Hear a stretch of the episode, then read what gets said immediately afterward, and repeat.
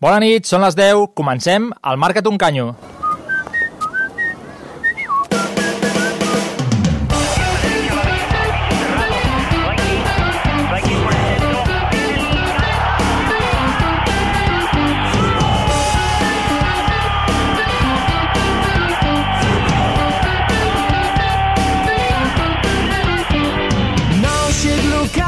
A Cultura FM, marca't un canyo. Każdy dźwiga piw i kwiatek dla żony. Komplet... Participa al programa a través del Twitter a arroba marcatuncanyo o a facebook.com barra marcatuncanyo.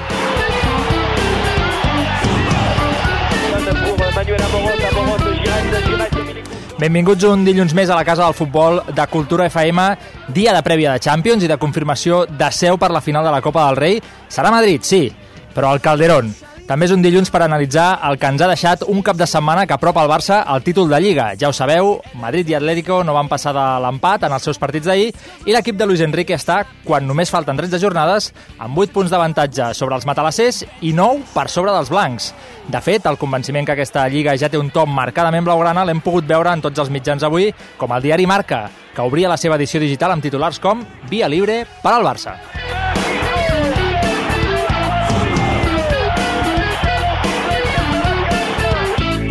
Així que tothom atent perquè tenim un programa molt i molt complet. Com us deia, tindrem temps per revisar tot el que ha passat aquest cap de setmana i preguntar a la nostra taula de debat si aquesta lliga ja és del Barça. Pregunta que, per cert, avui us fem a les xarxes i que volem que respongueu. Aina Grau, bona nit. Bona nit. Recorda'ns que demanàvem a Twitter, a Facebook i a través del nostre correu electrònic. Tan fàcil com aquesta lliga ja és blaugrana. A Twitter, per exemple, amb un RT ens dieu que sí, amb un cor eh, que no facebook.com barra marcatuncanyo o en el mail del programa ens podeu fer arribar la vostra opinió. Un mail que estrenem avui, marcatuncanyo arroba culturafm i al llarg del programa, com deia l'Aina, llegirem les vostres opinions i repassarem retuits, cors i el que vingui. Gràcies, Aina. Fins ara. L'Aina, com us deia, ens anirà posant al dia de tot el que ens expliqueu per les diferents vies de contacte, però us tenim preparades més sorpreses, perquè això no s'atura, tot va molt ràpid i sense temps per assaborir la ressaca del cap de setmana. Demà torna la música de la Champions.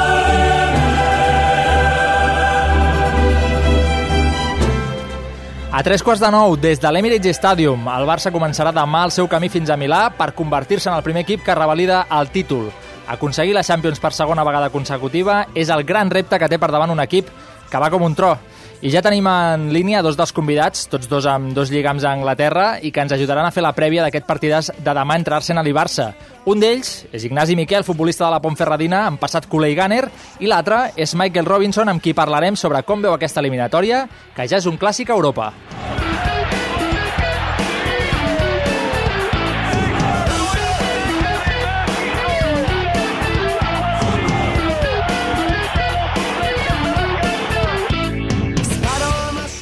Passen 3 minuts de les 10 de la nit a les vies de Soi tinc el David Gutiérrez Guti tocant tots els botons possibles i ara sí, amb totes les vies de participació recordades i el menú presentat, comencem!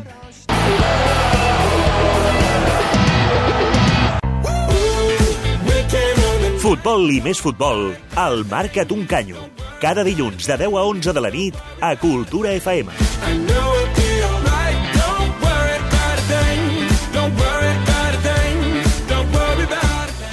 Us ho avançava ara Ignasi Miquel, aquest és el primer protagonista del Marca't un canyo d'avui, futbolista en passat culer i gàner. De seguida el saludo, però abans, Aina Grau, fem una radiografia per conèixer millor qui és aquest jugador.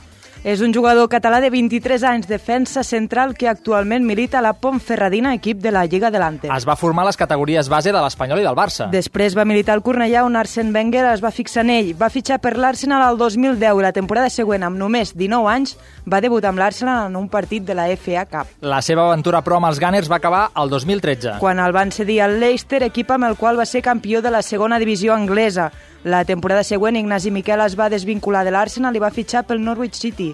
Ara ha tornat a la Lliga Espanyola per defensar la samarreta de la Pontferradina. I amb la selecció espanyola té una Eurocopa al seu palmarès. La va aconseguir el 2011 amb la selecció espanyola sub-19. Connexió amb Pontferradina, 10 i 5 minuts de la nit. Ignasi Miquel, bona nit. Hola, bona nit. Hola, bona nit. Com, com va aquesta nova aventura a les files de la Pontferradina, Ignasi? Doncs bastant bé, la veritat. Bueno, ara, ara per ara portem un parell de mesos dolents, eh, que no en surt res, però personalment és el que necessitava, he tornat aquí, estic jugant i, i és el que necessitava ara mateix. L'únic és que l'hem de donar la volta una mica a com estem a la Lliga. Tot i així, després de no tenir els minuts que esperaves a l'Arsenal i, al, i al Norwich, 17 partits aquesta temporada a segona i ets un dels defenses de l'equip que acumula més titularitat, segons hem vist a les estadístiques. T'estàs reivindicant davant d'aquells que, que potser no van confiar en tu a Anglaterra? Aviam, jo el que intentava era això, jo confio en mi mateix, jo sé que el que puc donar, i llavors, eh, després de tenir un any, any i mig, sobretot bastant dolent, on, on quasi no vas tenir oportunitats, doncs necessitava continuïtat un altre cop, i aquí l'estic eh, tenint i uf, intentes tornar a, a on creus que pots estar, que és a, bueno, intentar a tornar a primera i al màxim nivell on, on puguis. La cosa, la cosa està difícil, ara mateix sou setzents, però vaja, entenc que per, per ganes de mantenir-vos a segona i intentar eh, ni que sigui una salt ja la temporada que ve, no, no en deuen quedar. Ah, no, per res, no, però a més és això, el que portem aquí és, és un, ha sigut dos mesos, el tornar de, de les vacances on, on no hem aixecat el vol, ara estem en un punt dolent, però fins, fins a això, fins al desembre anàvem a, a els, primers vuit, els primers vuit anàvem per dalt, estàvem, estàvem fent bastant bé, l'únic és que ara doncs són aquestes etapes on les coses surten, la confiança comença a, comencem a dubtar amb nosaltres mateixos i llavors falta això, canviar un altre cop el xip i, i intentar lluitar al màxim. I que la segona divisió no és una competició gens fàcil. No, jo ja ho he notat, aquí a vegades vens feia molts anys que estava fora i tampoc eh, sabia més o menys com era, però tampoc sabia massa, i vens aquí i sobretot veus que el nivell està tot igualat, que per dalt veus a, a 10 tots equips que poden entrar per entrar per als playoffs, per, per quedar primers segons, així que, eh, bueno, eh, s'ha de lluitar, no és una, no és una, una lliga fàcil. Precisament, abans d'aquesta aventura a la Pontferradina que ens estàs explicant, tu vas passar per l'Arsenal, a les ordres de Wenger, i també has viscut que és un futbolista Can Barça des de dins. Els dos clubs que s'enfrontaran demà a la Champions s'assemblen tant com diuen des de fora? Eh, sí que s'assemblen a la seva filosofia, a la manera de jugar, sí. L'únic és que els jugadors que tenen, doncs ara mateix el Barça, jo crec que jugador per jugador doncs, ha demostrat aquests últims anys que, que està un més nivell, però, bueno, però no pots menys fer a l'Arsenal perquè bueno, no, no estem parlant d'aquests jugadors aquí com, com si res, són els dos equips de grandíssim nivell, però bueno, però la filosofia és la mateixa, però és això, aquí el, el, jo crec que els jugadors són claus, eh, sobretot a, a la part de, del mig del camp cap a dalt, que és el que dona el, el desequilibri al Barça. No sé si et sona aquest himne, Ignasi, és eh, un dels himnes de l'Arsenal, tot i que no sembli ben bé un himne.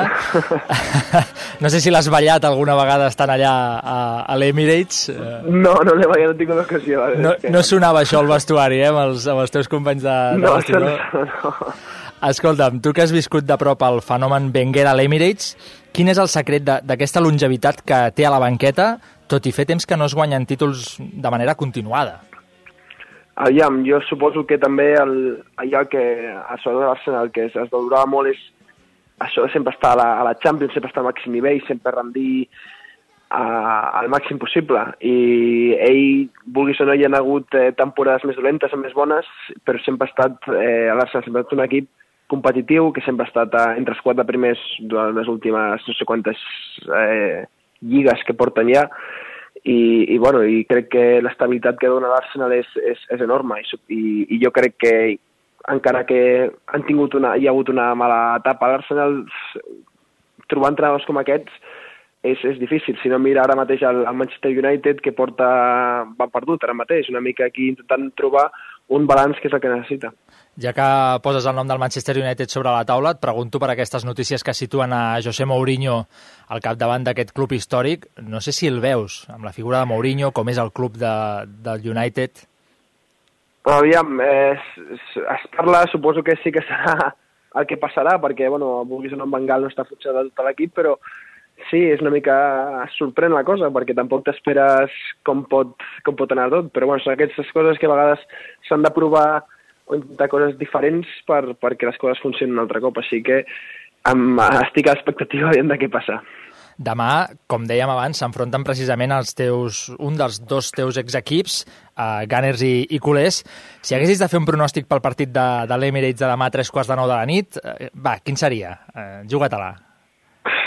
Aviam, jo crec que, jo crec que pot ser, jo crec que serà un empat, però després ja et dic que perquè com es juga a Londres, l'afició i l'equip té moltes ganes, sobretot perquè el Barça sempre té aquesta espina clavada i no ho sé, jo diria un empat a dos, però ja et dic, tal i com està el Barça últimament, que, que amb els tres de dalt fan meravelles, eh, doncs pot passar qualsevol cosa, però l'Arsenal també que el que està passant és que aquest any està bastant bé, eh, s'està trobant a un altre cop a, l'equip que, que potser feia anys que no, que no tenia i està lluitant per la Premier aquest any quan feia ja uns quants anys que veies que no estava tan a prop d'aconseguir-ho, així que jo també veig un Arsenal diferent i millor, però clar, eh, estem parlant de, del Barça que per mi ara mateix és el millor club del món i, i serà, i serà un partit molt atractiu. Estem parlant amb Ignasi Miquel, futbolista de la Pontferradina, ex-Gàner, ex-culer, ex de l'Espanyol, ex del Cornellà també.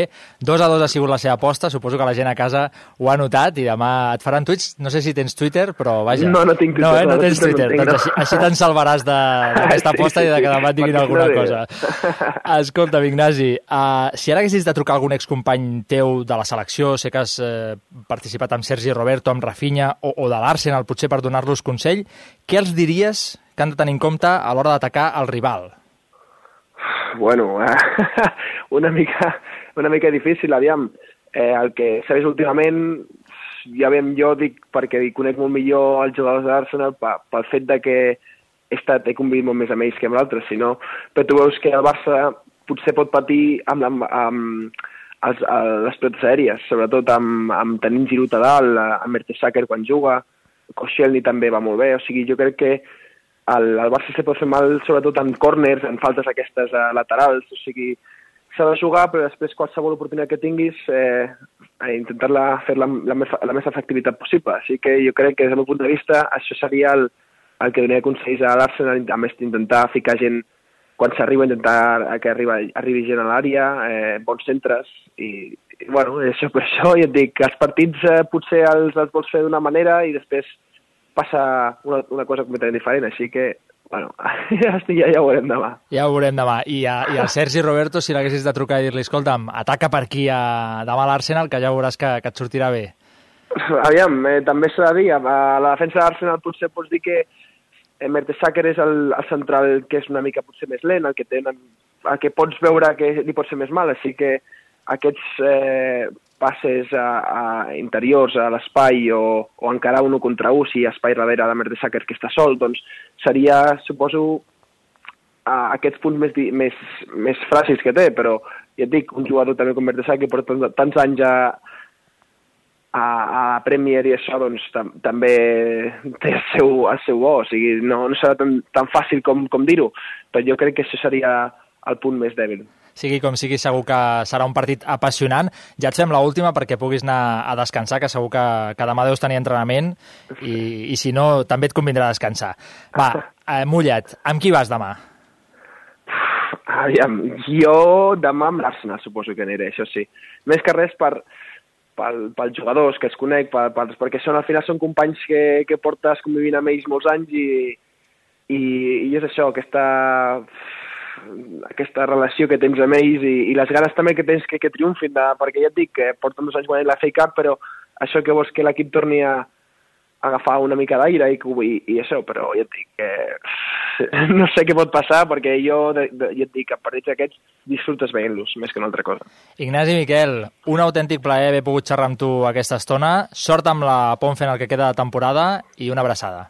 Moltes gràcies, una abraçada.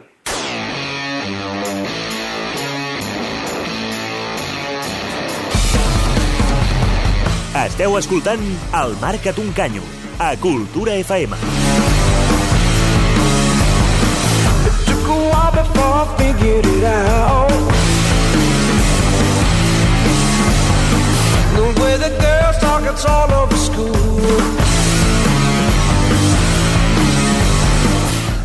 Un quart d'onze tocats de la nit. A aquesta hora presento els tertulians que ens acompanyaran avui, dos habituals del Marca, del Marcat, no del Marca, compte, alerta no prenguem mal, són els periodistes Víctor Rodrigo, bona nit. Bona nit, Uri. I Jordi Sotorra, bona nit. Bona nit, Uri, com anem? La tertúlia del Marcat un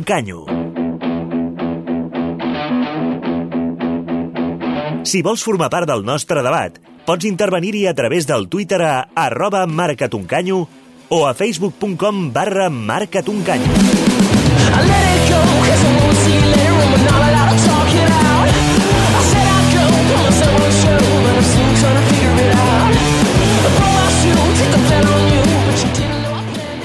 I ens hi posem ja en aquesta taula de debat, amb els components eh, ja presentats, el Víctor, el Jordi, parlàvem abans amb l'Ignasi Miquel, que diu que va amb l'Arsenal. T'ha sorprès, Víctor? Tu has Home. fet l'aposta amb les mans, eh? Quan li he fet la pregunta Sí, de sí. va, mulla, t'has dit, segur Sí, que va amb l'Arsenal. amb l'Arsenal. Claríssim. Jo, clar, és, és aquest prototip de jugadors, entre cometes, que el, el, no que el fotin fora, sinó que marxa de la Masia i té més repercussió en un altre club. I no és que Segurament se l'estima més. No és que li tingui fàstic al Barça ni a la Masia, sinó que s'estima més a l'altre i, clar, el complex aquest de superioritat del Barça que té ara mateix al costat de l'altre, pues, normalment sempre vas amb el dèbil. I si és amic teu, pues, encara més. Jordi Sotorra, tu abans ens comentaves entre bambalines que ets de la Ponfe.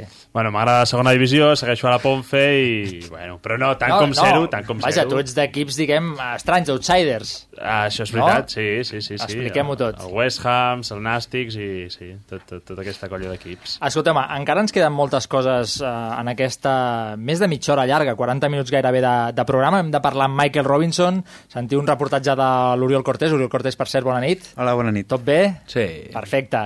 I alguna que altra sorpresa, eh? però abans eh, vull saber què penseu del partit de demà, d'aquest Arsenal-Barça, un partit eh, complicat, no complicat. Com el veieu, Jordi?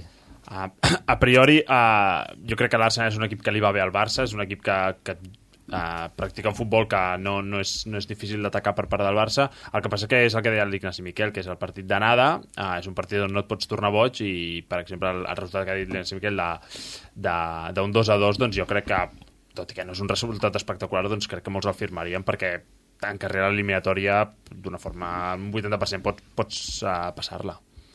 Jo crec que és un altre déjà vu de, la Champions amb el Barça, amb diferents episodis, PSG, Ajax, Arsenal, ara ens toca, aquest any ens toca l'Arsenal, però sí que jo estic d'acord en que l'Arsenal a Londres, a l'Emirates, és un equip molt dur, encara que el Barça estigui a un nivell boníssim, però jo confio més en el centre del Barça, del, en el centre del camp del Barça, perquè no està ni Cazorla ni Wilshere, que estan lesionats, però tenim a més Utozil, que està en un nivell espectacular, i te la pot clavar per on vulgui. I a més, eh, el joc aeri al Barça, mm, els centrals, mm, ja parlarem un altre dia, però com sempre, eh, van volant. Però, però algú s'imagina a Mertesacker, que abans en parlava l'Ignasi No, Miquel, però jo o a Giroud- Koscielny parant a Luis Suárez, a Neymar, a Leo Messi... No, però pot, sí que no els paren, però potser Giroud et pot fotre dos gols en dos corners. Mm.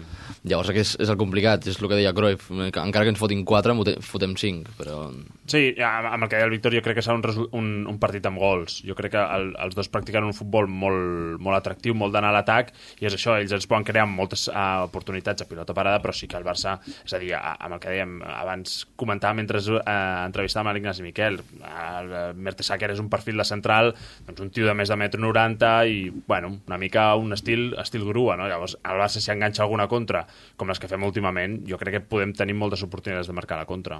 Un partit que avui ha tingut la seva prèvia també a la sala de premsa amb els dos eh, entrenadors. Aina, Sí, Luis Enrique fa una estona que ha sortit en red de premsa i ha admès que el Barça és qui té l'etiqueta de favorit en aquesta eliminatòria després de ser campió i amb l'objectiu de revalidar el títol. Tot això avisa de la dificultat de l'eliminatòria. Evidentemente no somos un equipo que pasa por ahí, somos los actuales campeones, o sea que es lógico que pueda que podamos tener esa etiqueta. La aceptamos, la asumimos, sabemos que no te da nada antes de empezar el partido, que lo tienes que demostrar cada partido, cada cada eh, fase del juego y eso es lo que vamos a intentar hacer. No variar para nada lo que estamos haciendo desde, desde hace tiempo ya y sabiendo la dificultad que tiene cada partido que juegas en esta competición, sobre todo cuando juegas fuera de casa y, y siendo conscientes de que tenemos que hacer las cosas muy bien con balón, pero también muy bien sin balón para poder controlar a un rival como el Arsenal. En aquest sentit, el tècnic asturià ha avisat dels perills de l'Arsenal amb especial èmfasi en els contraatacs i a la qualitat dels jugadors del davant que té el conjunt anglès. Es un rival potente, un rival difícil, un rival que domina las transiciones, un rival que tiene muchos jugadores de calidad, con una delantera eh, peligrosísima y, y un bloque muy potente. Ja per acabar, l'anècdota divertida de la roda de premsa és que a Luis Enrique se li ha preguntat pel trident blaugrana i sobretot per l'estat de forma que tenen els tres jugadors en aquests moments de la temporada. I a Luis Enrique ha dit la frase màgica que els hi diu abans de sortir a jugar. Nada, abra cadabra, les digo, y ya sale, toda, la- sale la magia. Abra cadabra antes de empezar cada partido y fluye la energía. No, trabajamos como he trabajado, siempre he tenido eh, la posibilidad de tener muy buenos delanteros. En este caso, en el Barça, tengo los mejores delanteros del mundo, sin ninguna duda. Y es muy fácil. eh, muchas situaciones del juego no necesitas ni, ni imaginar o desear lo que quieren hacer porque ellos son capaces de superarlo y tienen mucha libertad, saben que tienen obligaciones también a nivel defensivo como, como todos, porque todos dependemos de, de- del inicio de su presión para, para defender, por ejemplo, pero en ataque también todos tenemos un objetivo, que es el llevarles de en las mejores condiciones posibles el balón a los delanteros. I abracadabra, Arsène Wenger també ha parlat aquest matí de l'enfrontament. El el tècnic francès ha afirmat que el Barça és superfavorit, no favorit, superfavorit en aquesta eliminatòria i sobretot demana concentració als seus jugadors i aprofitar, això sí, les oportunitats que tinguin eh, per marcar. create belief. Hem de creure-hi uh, because i tenir confiança en nosaltres, perquè el. Barça és superfavorit en aquesta eliminatòria. Uh, level. Uh, to Hem de pujar el nivell i aprofitar qualsevol oportunitat que tinguem per marcar. A Wenger també se li ha preguntat pel trident blaugrana i com se'l pot aturar ara que està en un gran moment de forma. Uh, no, honestly, no, because I know that uh, El trident no em treu la son. individually they have exceptional Individualment són tres jugadors The only way we can excepcionals. uh, collectively. L'única manera que tenim de parar-los és col·lectivament, amb resistència, molta solidaritat i sent intel·ligents. and intelligent as well. El trident no treu la son de Wenger, no sé si creieu que li hauria de treure. Em fa molta gràcia aquesta afirmació, com que no treu la son. Llavors que no treu la son? El Barça en si mateix o què? Que, que, que algú t'hi guardi aquest tall, eh? Que algú t'hi guardi aquest tall, perquè potser... El trident no en treu son, Exacte, eh? sí, sí, sí, perquè potser pot ser un... Potser treu el càrrec. Sí, sí, sí. No, bueno, a, a, al pas que va Wenger, jo no sé què li podria treure el càrrec, però Ah, bueno. el guardarem, el guardarem, perquè a més el Guti a les vies de so és molt, molt fan de fer aquestes coses, crear mm, separadors amb frases bones d'entrenadors en sales de premsa, així que no patiu que segur que ho fa. El que anàvem, hem sentit a Luis Enrique, hem sentit a Wenger, no sé si destacaríeu alguna de les frases que han deixat. A mi m'encanta la perla, sé que és l'anècdota del dia, però la perla de, de l'abracadabra, de no els hi dic per res. A- Aquesta, aquests intríngulis que té, que té el vestidor a mi em semblen fantàstics quan els expliquen els entrenadors. Vull dir que eh, animo a Luis Enrique que segueixi explicant tot el que hi ha darrere, perquè al final li fan aquestes preguntes a Luis Enrique i Luis Enrique diu doncs, el que ja sabem tots. No? El que sí que jo crec que el Barça, a diferència d'alguns partits que portem en Lliga, ha de posar el modo Champions, perquè l'altre dia el partit de les Palmes va ser fluixet, bueno, tot això jo crec que, és, crec que sí que cal, cal concentrar-se molt, no? perquè estem fent una temporada perfecta, però un mal partit a, a Londres doncs pot, et pot fer trontollar tot plegat. Els de més també penseu que aquest ritme que està donant el Barça a la Lliga de dosificar-se, de deixar-se portar, es repetirà a la Champions o ara que venen diguem, eh, la competició de les estrelles, la competició grossa, això s'ha acabat, s'ha acabat la, la tonteria. Jo crec que això s'ha acabat i que si hem vist aquest Barça com dirien els castellanoparlants, més renqueante a la Lliga és precisament perquè ells sabien que els hi arribava el bo ara i que les Palmes van jugar a mig gas perquè sabien que demà toca Emirates i també els partits contra el Llevant, contra Màlaga, també juguen a mig gas perquè sabien que els hi arribaria el partit important, que és el de dimarts. No, exacte, sí, quan vam tenir la- l'anada de la Copa del Rei contra el València, en el partit anterior crec que era contra el Màlaga a mig gas, el del següent mig gas, però el del mig que era Copa del Rei, que és eliminatòria, 7 a 0. I una pallissa que encara la recordem, i a València encara se'n recorden. Llavors potser demà a Londres encara se'n recor se- encara se'n recordaran.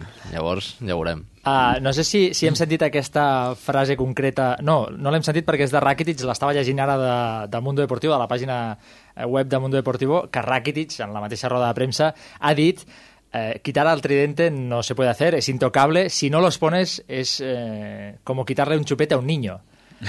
Que això ho digui un propi company, és que ho té molt assumit, a més ho diu rient. I, I segurament reaccionarien igual que quan li treus el xumet a un nen. Sí, O pi- o pitjor, O, sí, eh? o pitjor. Sí, la, rebequeria seria encara Però, més però gran. algun dia hauran de descansar, aquesta gent.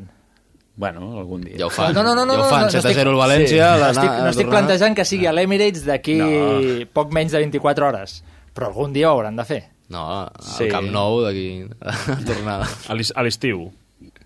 A l'estiu, eh? Sense, sense més. Bueno, sí, no, no és el mateix, però també dins del camp ells també es dosifiquen. O sigui, Sobre- sobretot- amb el partit que van fer les Palmes, Messi, és un expert en dosificar-se ell mateix, Sí, sí. però jo crec que els altres dos també I després m'encanta, un- sempre el critiquen, està caminant, bueno, i què? va. I, I I, camina- 83 i- sí. correrà i fotrà un gol. I caminant guanya partits. Sí. Està, Els minuts de la pastura, no? És, Sí. és, el que, és el que fa ell.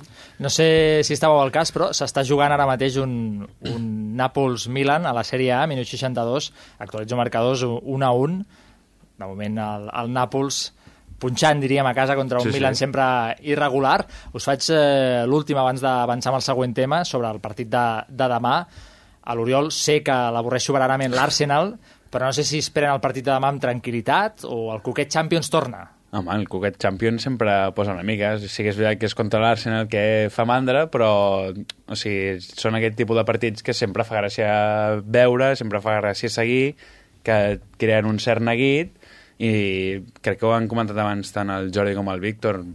L'Emirates és un camp difícil. L'Arsenal potser a dos partits sí que l'eliminatòria es decanta molt pel Barça, però hem de recordar que, per exemple, el Bayern de Guardiola va perdre el 2 a 0 a fase de grups al camp de l'Arsenal. O sigui, s'ha d'anar en compte també.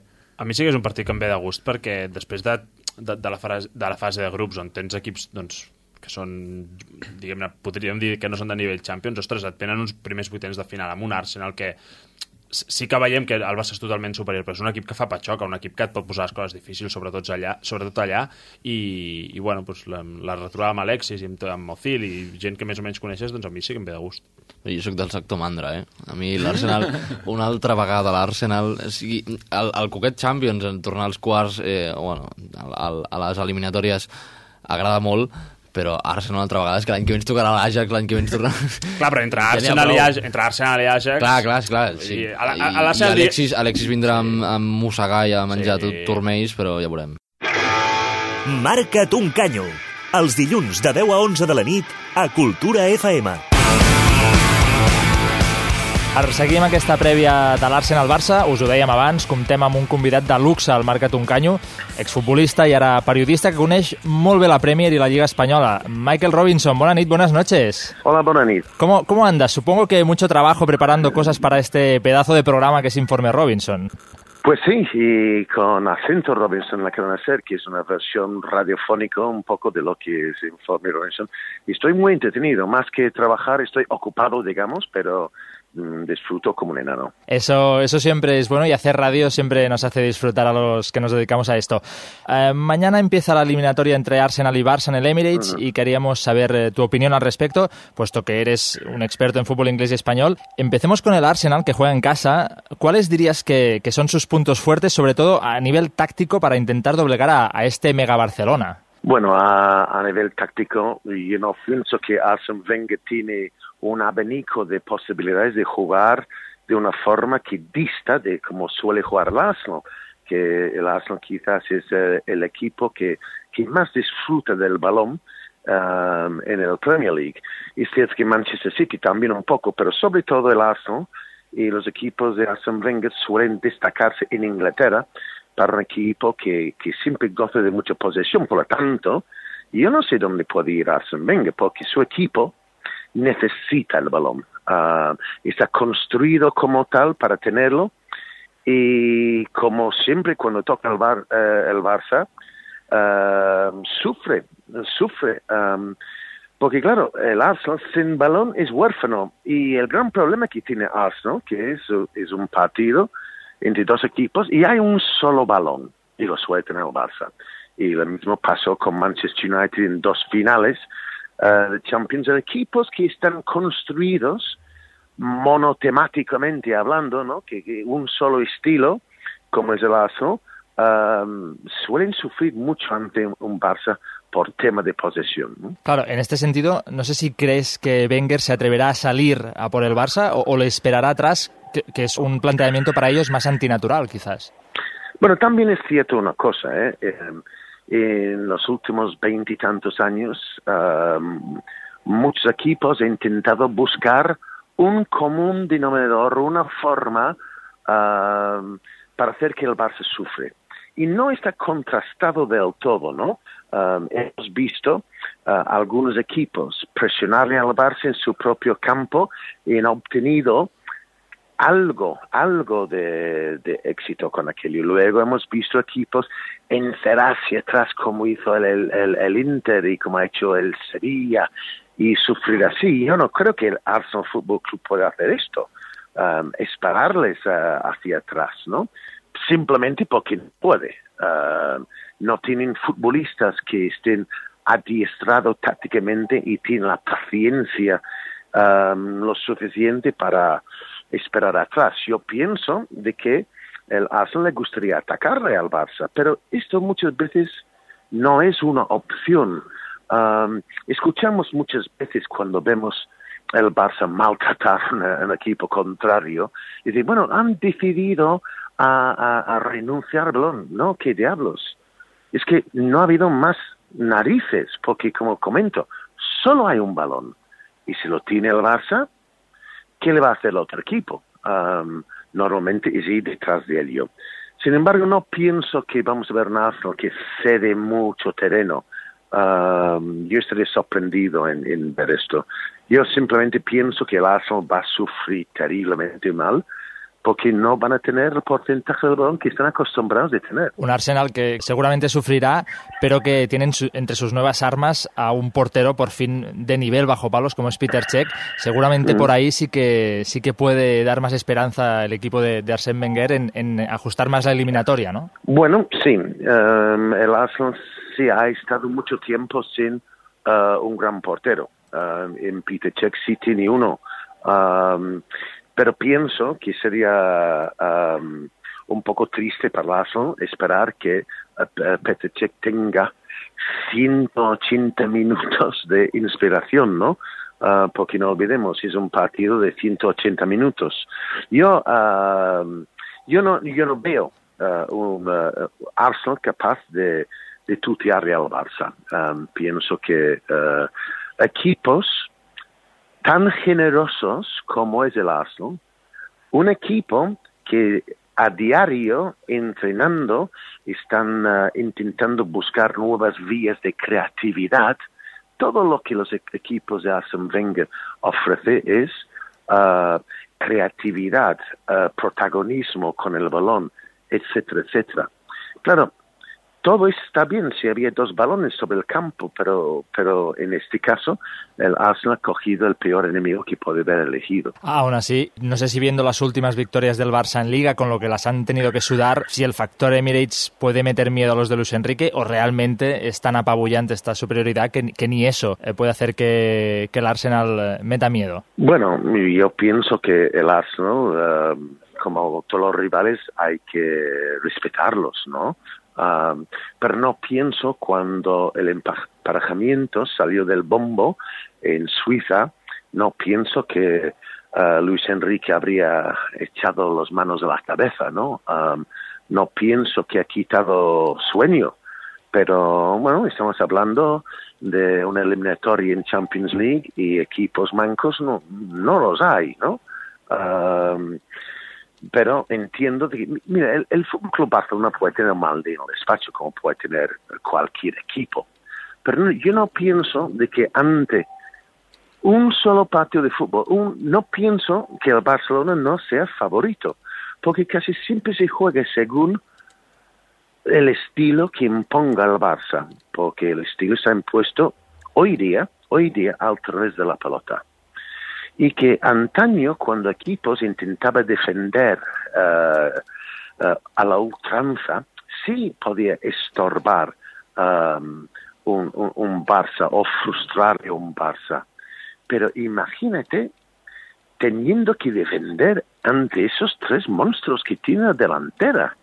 Um, cuando hablamos del de Pep Team y este equipo de Luis Enrique, tal vez, tal vez um, el equipo de, de, Pep era más romántico, era tal vez más elocuente en el centro del campo um, y podía estar frustrado con mucho toque, mucho toque, mucho toque y luego no chuto y tal, no sé qué. Pero este equipo de Luis Enrique quizás es menos, algo menos elocuente en el centro campo, menos romántico en ese sentido, pero arriba pero arriba tienen tres delanteros que son irresistibles. Y además tres delanteros, cada uno tiene un estilo distinto. Yo pienso de que si el Arsenal acaba colgados debajo de su larguero, eso no es porque habrán elegido esto. Eso será porque así se ha dictado. Entonces, si tú invitas a, Neymar a tener el balón en la frontal del área, o Messi a tener el balón en la frontal del área, o Suárez, estás invitando un catacombe. Tú le presionas en cancha contraria, pues mira, ya estás expuesto a la velocidad de Messi Neymar. Ah, realmente yo no veo una fórmula de que el Arsenal puede ganarle.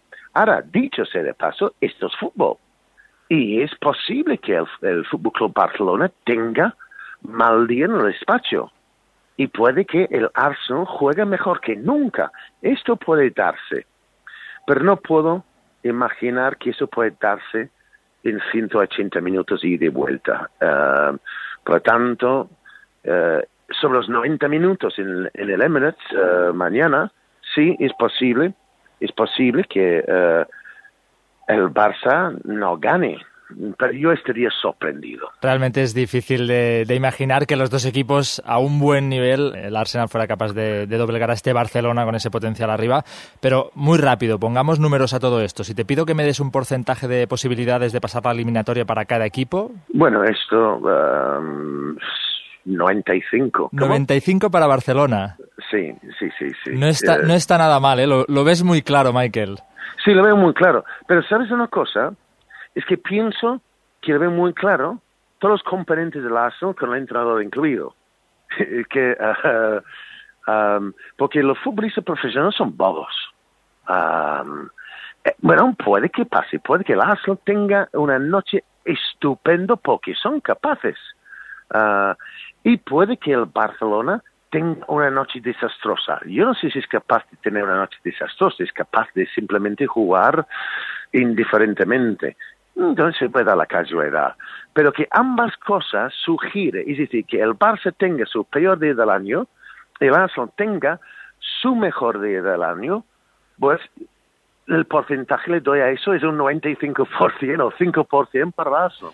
Clarísimo, clarísimo. Va, y ya la, la última y, y, te dejamos descansar. Ataquemos un momento el apartado Liga porque después de los pinchazos de los dos equipos de Madrid de ayer, no sé si mm. ves a, a, este Barça ya muy campeón. Sí, um, claro, es que yo he visto mucho fútbol y he jugado un poco a esto de, de, de, del fútbol y parece ridículo, ridículo decir en el mes de febrero que un equipo ya, ya es campeón. Debo de saber mejor, ¿verdad?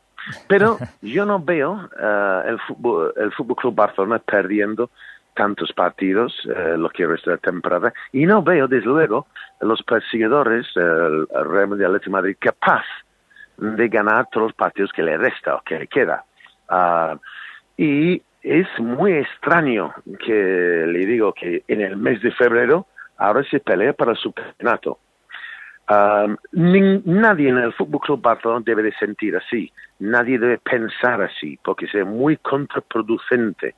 Tiene que mantener el lavado de cerebro impuesto, de que esto hasta que matem matemáticamente esté hecho hay que, hay que bregar. Es lo que tienen que hacer. Pero yo que yo no me juego la vida en aquel, uh, yo honestamente creo que la liga está terminada y en la siguiente jornada los dos tienen que enfrentarse. Entonces habrá luego una nueva pérdida de puntos, bien por parte del Atlético Madrid o Real Madrid, o ambos, en el caso que empatan. Uh, yo veo, al margen de los puntos, digamos, al margen de los puntos, yo pienso que hay un equipo en España que juega mucho mejor que ningún otro, que es el Claramente. Barça claramente. Michael Robinson, muchas gracias por, por, tu tiempo, por querer analizar este, este partidazo de Champions con nosotros. Suerte, mucha suerte con Acento Robinson e Informe Robinson, que los seguimos siempre con, con admiración. Y un abrazo muy fuerte desde Barcelona. ¿eh? Muchas gracias, es mi placer. Venga, que vaya muy bien todo. Vale, Adiós, buena chao, chao. chao.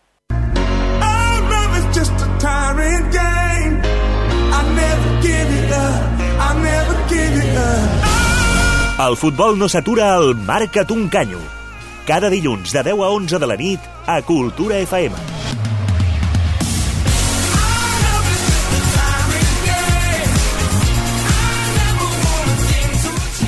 Anem a la teca, ho sentíem ara mateix en la conversa amb Michael Robinson. Ell dona un 95% de favoritisme pel Barça. Oriol Cortés ja està rient. No, bueno, sí, o sigui, que el Barça és favorit, sí, sorprèn que un tio a priori entès com ell ho vegi tan, tan clar. O sigui, jo potser apostaria més per un 80-20, un, no sé, com molt 90-10, 95 m'ha fet gràcia que ho tingués tan clar.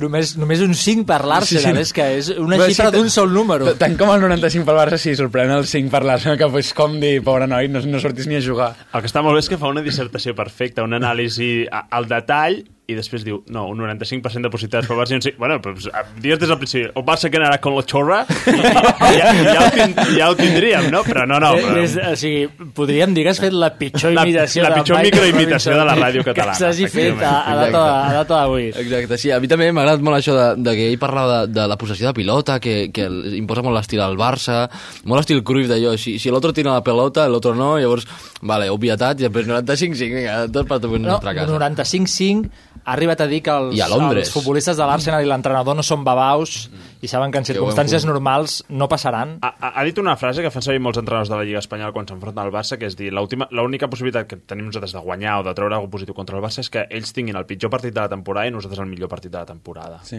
I, I això jo crec que és significatiu perquè crec que moltes vegades des d'aquí, des, d'aquí, des de casa nostra, des dels que som aficionats del Barça, creiem que som potser un pèl menys del que realment som. No? Si haguéssim preguntat percentatges aquí, ningú hagués dit un 95-5. En canvi, Michael Robinson, que és totalment objectiu, diu un 95-5, i si segurament li preguntes a un aficionat gunner, et dirà, "Pff, mira, vaig al camp perquè tinc l'abonament pagat. Però jo crec que també nosaltres ho veiem com tant des de dins, perquè venim del partit, per exemple, de les Palmes, i venim de les Palmes no diríem que contra l'Arsenal faríem mai un 95-5. En canvi, Exacte. contra tots els que ens enfrontem, els, els altres rivals, eh, clar, ens veuen com el monstre que entra per la porta i ni, ni, ni passa per la porta i diuen, ai, ai, ai, que ens, ens mengen. Exacte, i, i que molta gent de fora segurament només, només veu Barça en partits grans i en partits Exacte. grans el Barça ha fet partidassos. Ma- M'agrada la pregunta que posava el Jordi sobre la taula. Quins percentatges haguéssiu fet vosaltres?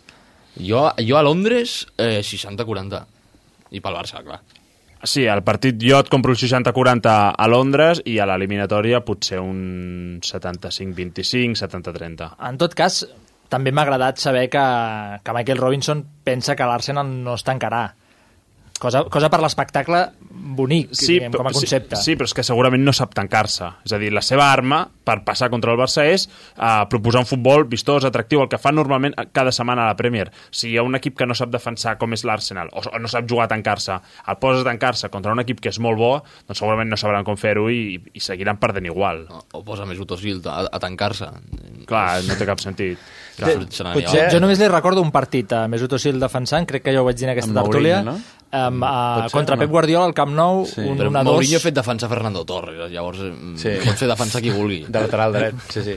Uh, el, sobre això de tancar-se, jo crec que, home, lògicament, l'Arsenal ni pot ni sap tancar-se com es tancaria el Llevant al seu camp, però no, jo crec que no jugarà com juga cada setmana a la Premier, que es jugarà una mica més mm, a contenció, potser no a veure-les venir, però, bueno, amb una mica més de precaució. Una mica, sí. mica. No. Potser també perquè el nivell de la Premier està molt baix. I, i com, o sigui, amb City, United, tots aquests, eh, també ens trobem un Arsenal que també ve amb, amb el pit fora i, i que vol, vol menjar-se una mica el Barça i tampoc espantar-se molt. Però sí que, clar, si et surt Wenger dient no, no, són los ultra favoritos, mm. potser també venen amb una pèl amb el complex d'inferioritat. Jo crec que el complex d'inferioritat el tenen ja de per si, digui el que digui Wenger, i el que sí que és veritat és que és un equip amb dinàmica positiva, està fent un bon any a, a la Premier i té opcions de guanyar el títol. Però bueno, jo és que crec molt en, en el punt psicològic que té en aquestes eliminatòries, de si fa dos o tres anys ells ens van eliminar, tu ja surts dient, ostres, aquesta gent amb aquest escut ens van eliminar. I l'historial que porta el Barça contra l'Arsenal els últims 10 anys és, és, és terrorífic. Més enllà que l'Arsenal pugui o no semblar un rival avorrit, com dèiem abans, per reiteració, eh, té alguna arma que us faci respecte? Parlàveu de Mesut Özil, ho deia el Víctor, ho dic perquè no sé fins a quin punt poden sorprendre un Barça que últimament guanya els partits, sí, amb suspens, però, però és que els guanya. Eh, I, I sembla que quan s'hi posi, pff, ja no us ho explico. a mi em faria molta més por un equip que sàpigués... Per exemple, ara diré potser una cosa que potser dius, ostres, molts és una bajanada. Uh, jo preferiria... O sigui, jo prefereixo com a rival l'Arsenal que no pas el Chelsea. Ai, no, jo també, eh? Ah. O sigui, fa mandra, o sigui, una cosa és que faci Sí, mandra, sí, l'altra és que No, no, no, no, prefereixis. no, jo Exacte, dic futbolísticament que ens pugui causar més problemes. A dia d'avui jo crec que ens pot causar més problemes el Chelsea que Ah, no pas sí, l'Arsenal. completament d'acord. Però això Ah. no treu que, que faci mandra jugar contra l'Arsenal. per Ah, no, no, ok, vegada. ok. Ja, ja portem l'Arsenal i el veiem a tot arreu. No, però sí, però sí. l'Arsenal a les bandes té, té gent que són ràpids. Això al futbol del Barça tampoc li convé. Sí, però i qui tenim nosaltres? Clar, és que sempre és, eh, fas la contrapregunta i ells diran, ostres, és que les bandes del Barça, ai, mare, com ens enganxin, no? Vull dir, bueno, les seves bandes estan bé si tenen la pilota. És el que deia Michael Robinson, que ens ho ha dit unes 14 vegades en 5 minuts de- d'entrevista, no? És, només hi ha una pilota. Clar, si aquesta pilota tu la tens un 70% del temps, doncs és una cosa, i si tens un 50-50 és una altra, i aquí és on poden entrar ells, doncs amb, amb el perill que tenen per les bandes, amb Alexis, amb Ozil, que és un tio que amb la pilota sap, sap què fer-ne. No, no, efectivament ha sigut un dels titulars de Michael Robinson d'aquesta nit. Solo hay un balón i lo tendrá el Barça. Mm, Simple mm. i planer. Jo crec que més clar Simple i no ha pogut llanamente. ser Michael Robinson. Continuem amb aquesta prèvia de Champions entre Arsenal i Futbol Club Barcelona, si us sembla, amb un reportatge de l'Oriol Cortés, que el tinc aquí assegut a, a la meva dreta, que va més enllà d'aquesta rivalitat sobre el camp que ara comentàvem, entre dos vells coneguts, i que comença en un aeroport.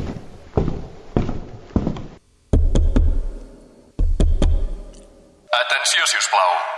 Últim avís pel futbolista procedent de... Futbol Club Barcelona. amb destí a... Emirates Stadium. Si us plau, embarqui per la porta 1.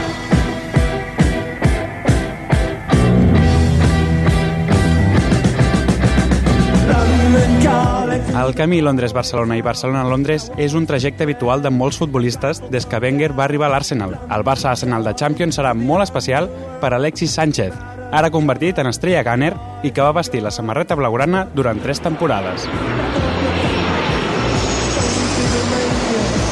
El xilè va arribar al Barça a l'estiu del 2012 procedent de l'Udinese i no va viure una etapa gaire agraïda al Camp Nou, on va despertar tantes crítiques com elogis en una afició dividida amb el seu rendiment. Després del seu pas pel club culer, en què va marcar 51 gols en 150 partits i va aconseguir 6 títols, l'estiu del 2015 va posar rumb a Londres, després que l'Arsenal pagués 42 milions i mig pel seu fitxatge. A l'Emirates, el tocopillano ha trobat l'estima que li faltava a Barcelona i és un dels ídols de l'afició.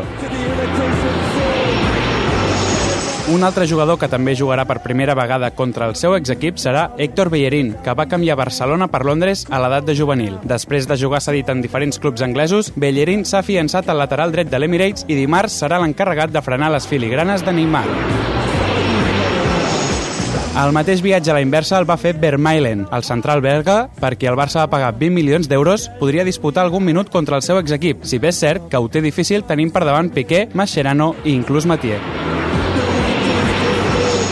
El nom més sonat del pont aeri Arsenal-Barça és, sens dubte, el de Cesc Fàbregas. El migcampista d'Arenys va marxar a Londres amb només 16 anys i els barcelonistes van haver d'esperar fins la temporada 2011-2012 per veure'l vestint la samarreta del Barça. El club blaugrana va pagar 34 milions per un jugador que s'havia de convertir en el nou ídol del Camp Nou, però que mai es va adaptar a les exigències de l'afició. Tot i que el seu retorn havia estat molt esperat, Cesc va acabar marxant per la porta del darrere l'estiu del 2014, després de tres temporades en què va marcar 42 gols en 151 partits disputats.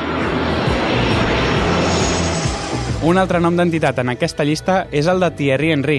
Després de molts anys i portades de diari especulant amb l'arribada del francès, Henry va aterrar a Can Barça la temporada 2007-2008 a canvi de 24 milions d'euros. Tot i viure una primera temporada molt dolenta, va participar posteriorment del triplet i dels 6 de 6 en títols a les ordres de Guardiola. Probablement, Henry va arribar més tard del que tocava, però el francès va deixar uns bons registres marcant 49 gols en els 121 partits disputats en les 3 temporades al Camp Nou. 7 títols avalen el seu pas per Barcelona.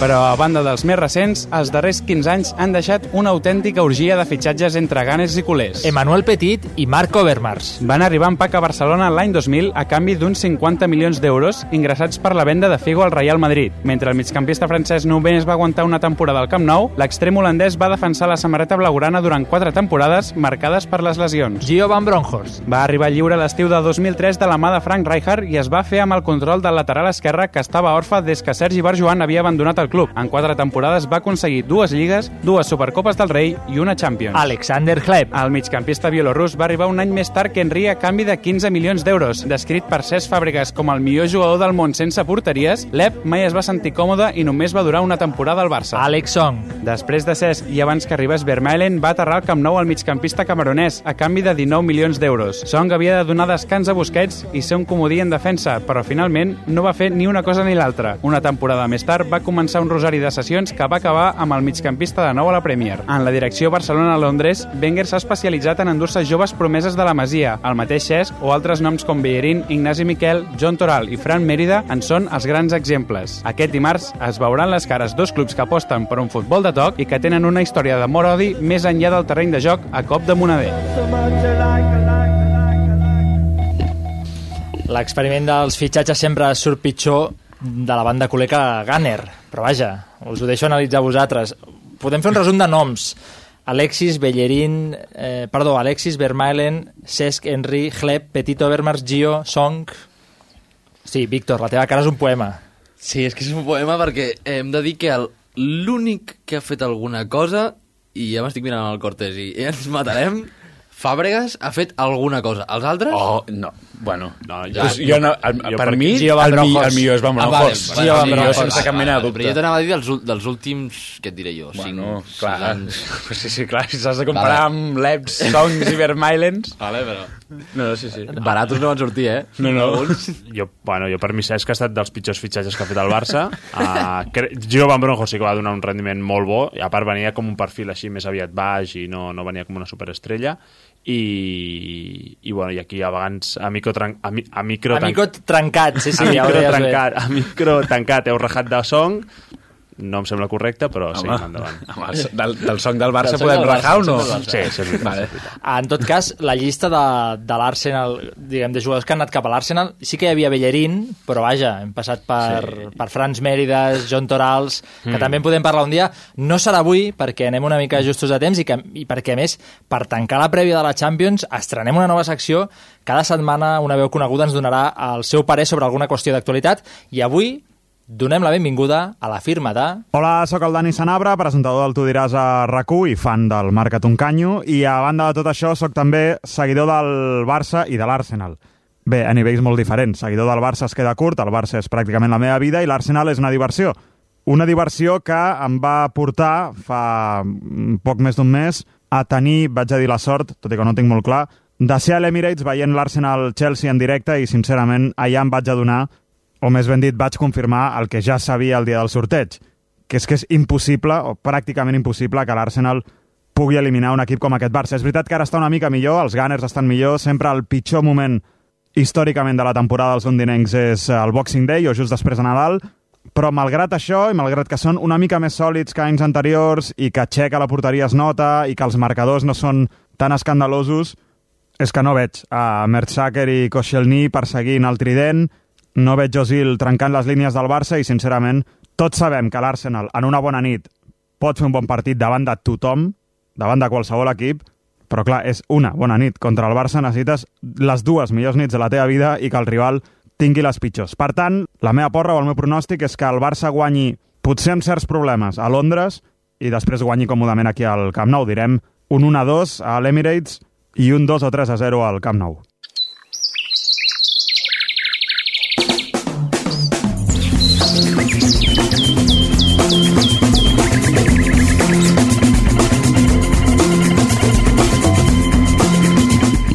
Grau, què Digue'm. ha dit la gent a les xarxes socials? Doncs la gent és optimista i diu a Twitter que la Lliga ja està guanyada, ha guanyat claríssimament. La Lliga és blaugrana, eh, segons la nostra audiència. El sí, però... El mes de febrer. Però en canvi la Núria ens fa arribar l'opinió que no diguis blat fins que no sigui el sac i ben lligat. Ah, bueno, mira, mira, hi ha, hi ha públic per tot, ja està. Oriol Cortés, no, No. per al·lusions, és que, és que ens queda un minut. La, la, la, la, la, Lliga Tens està- 10 segons. La Lliga està al sac i amb el nus a punt de... Només cal apretar-lo. Perfecte, doncs intentarem apretar la setmana que ve i l'altra per posar-la encara més al, al sac i ben lligada.